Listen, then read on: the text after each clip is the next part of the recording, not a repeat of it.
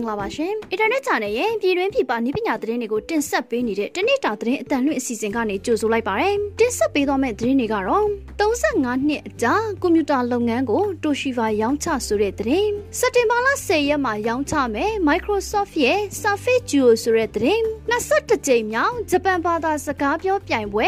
2020ကျင်းပမယ်ဆိုတဲ့သတင်းတွေကိုတင်ဆက်ပေးသွားမှာပဲဖြစ်ပါတယ်။ပထမအဆုံးသတင်းတစ်ပုဒ်အနေနဲ့35နှစ်အကြာကွန်ပျူတာလုပ်ငန်းကို Toshiba ရောင်းချဆိုတဲ့သတင်းကိုတင်ဆက်ပေးသွားမှာပဲဖြစ်ပါတယ်။ဂျပန်ကုမ္ပဏီကြီး Toshiba ကကွန်ပျူတာကုမ္ပဏီ Dynavolt ရဲ့နောက်ဆုံး share ကိုရောင်းချလိုက်ပါတယ်။ Toshiba ဟာကွန်ပျူတာဒါမှမဟုတ် laptop ထုတ်လုပ်မှုလုပ်ငန်းကနေထွက်ခွာလာပါတယ်။ Chef ဟာ2018ခုနှစ်ကဒေါ်လာ36သန်းနဲ့ Toshiba ရဲ့ကွန်ပျူတာလုပ်ငန်း80ရာခိုင်နှုန်းကိုဝယ်ယူလိုက်ပြီးတဲ့နောက်ကျန်တဲ့ရာခိုင်နှုန်းကိုလည်းဝယ်ယူသွားတယ်လို့ Toshiba ကထုတ်ပြန်ခဲ့ပါတယ်။ Toshiba ရဲ့ပထမဆုံး laptop T1100 ကို1985ခုနှစ်ကထုတ်လုပ်ခဲ့ပါတယ်။အဲဒီ laptop အလေးချိန်က4 kg နဲ့3.5လက်မ floppy disk တွေအသုံးပြုနိုင်ပါတယ်။ T1100 laptop ကိုဥရောပမှာပထမဆုံးရောင်းချခဲ့ပြီးတော့နှစ်စဉ် unit ပေါင်း1000 ပြည့်မီအောင်ရောင်းချဖို့ရည်မှန်းခဲ့တယ်လို့ Toshiba Science Museum website ကဖော်ပြခဲ့ပါတယ်။2017ခုနှစ်တွင် Toshiba ဟာ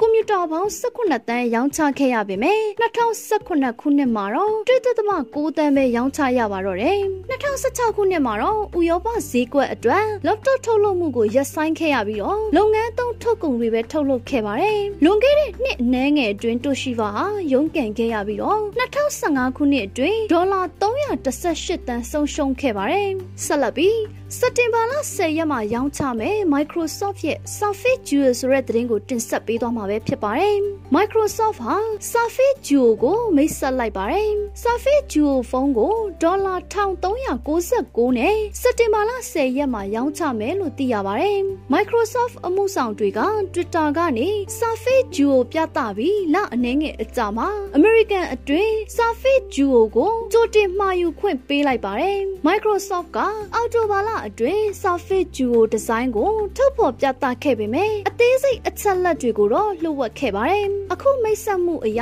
Microsoft Surface Duo မှာ9.6လက်မှာ OLED တီးခြား display နှစ်ခုနဲ့4:3 aspect ratio ပါဝင်လာပါတယ်။မျက်နှာပြင်နှစ်ခုကိုဆက်လိုက်ရင်3:2 aspect ratio နဲ့8.1လက်မှာအရွယ်ရှိလာပါတယ်။ Samsung Galaxy Fold နဲ့မတူဘဲနဲ့ Surface Duo မှာ Gloria Glass အစစ်ကိုအသုံးပြုထားပါတယ်။ Surface Duo မျက်နှာပြင်ကို Windows Computer Monitor ပုံစံမျိုးသုံးနိုင်တဲ့ပုံစံဖြစ်အောင်ဖန်တီးပေးထားပါတယ်။ Microsoft ဟာ Surface Duo အတွက်11 megapixel aperture 2.0 ကင်မရာအတွက် low light HDR multi frame ရိုက်ကူးမှုနဲ့9ဆအထိ super zoom အသုံးပြုနိုင်ပါတယ်။ဒါအပြင် 4K နဲ့1080 pixel video ရိုက်ကူးနိုင်အောင်30 frame per second နဲ့60 frame per second တို့ထောက်ပံ့ထားက electronic image stabilization ပါဝင်လာပါတယ်။ Surface Duo မှာကင်မရာတစ်လုံးပဲပါဝင်ပြီးတော့ video call နဲ့အဓိက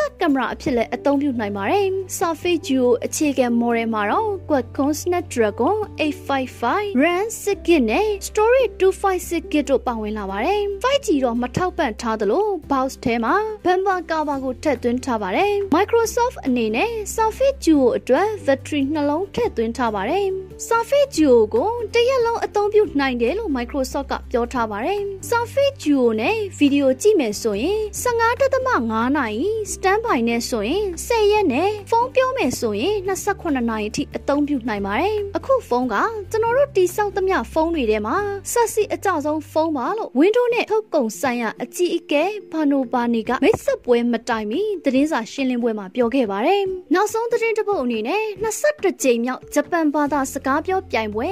2020ကျင်းပမယ်ဆိုတဲ့သတင်းကိုတင်ဆက်ပေးသွားမှာပဲဖြစ်ပါတယ်။22ကြိမ်မြောက်ဂျပန်ဘာသာစကားပြောပြိုင်ပွဲ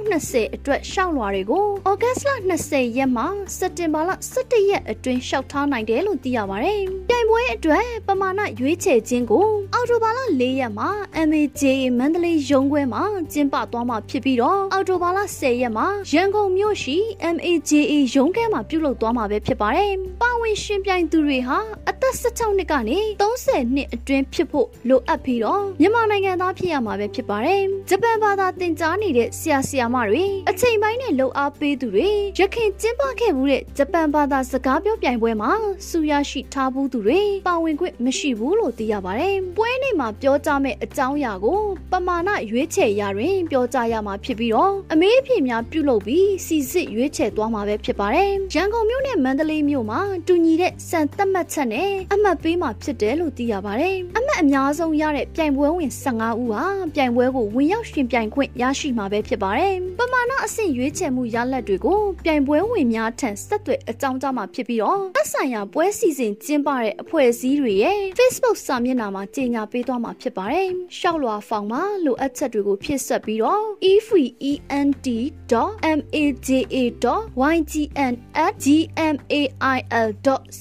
efreent.maga.ygn@gmail.com ကုန်းသို့ပေးပို့လျှောက်ထားနိုင်မှာပဲဖြစ်ပါတယ်။အသေးစိတ်အချက်လက်ကိုမြန်မာနိုင်ငံဂျပန်ပြန်ပညာသင်ဟောင်းအသင်း MAGA 4 39 4286 12 151နဲ့39 26 2639 2121ကိုဆက်သွယ်စုံစမ်းမေးမြန်းနိုင်မှာပဲဖြစ်ပါတယ်။အခုတင်ဆက်ပေးသွားတဲ့သတင်းတွေကနိုင်ငံတကာနဲ့ပြည်တွင်းမှာရရှိထားတဲ့နည်းပညာသတင်းတွေကိုအင်တာနက် channel ကနေတင်ဆက်လိုက်တာပဲဖြစ်ပါတယ်။အခုလို COVID-19 ဖြစ်ပေါ်နေတဲ့ကာလမှာပြည်သက်တွေအနေနဲ့လည်းကျန်းမာရေးနဲ့အာသာဝင်ကြီးဌာနရဲ့လက်ညှိုးမှုတွေနဲ့အညီလိုက်နာဆောင်ရွက်ခါနေထိုင်သွားလာဖို့တိုက်တွန်းလိုက်ပါတယ်။ကျွန်မကတော့ဝေမြင့်မှုပါ။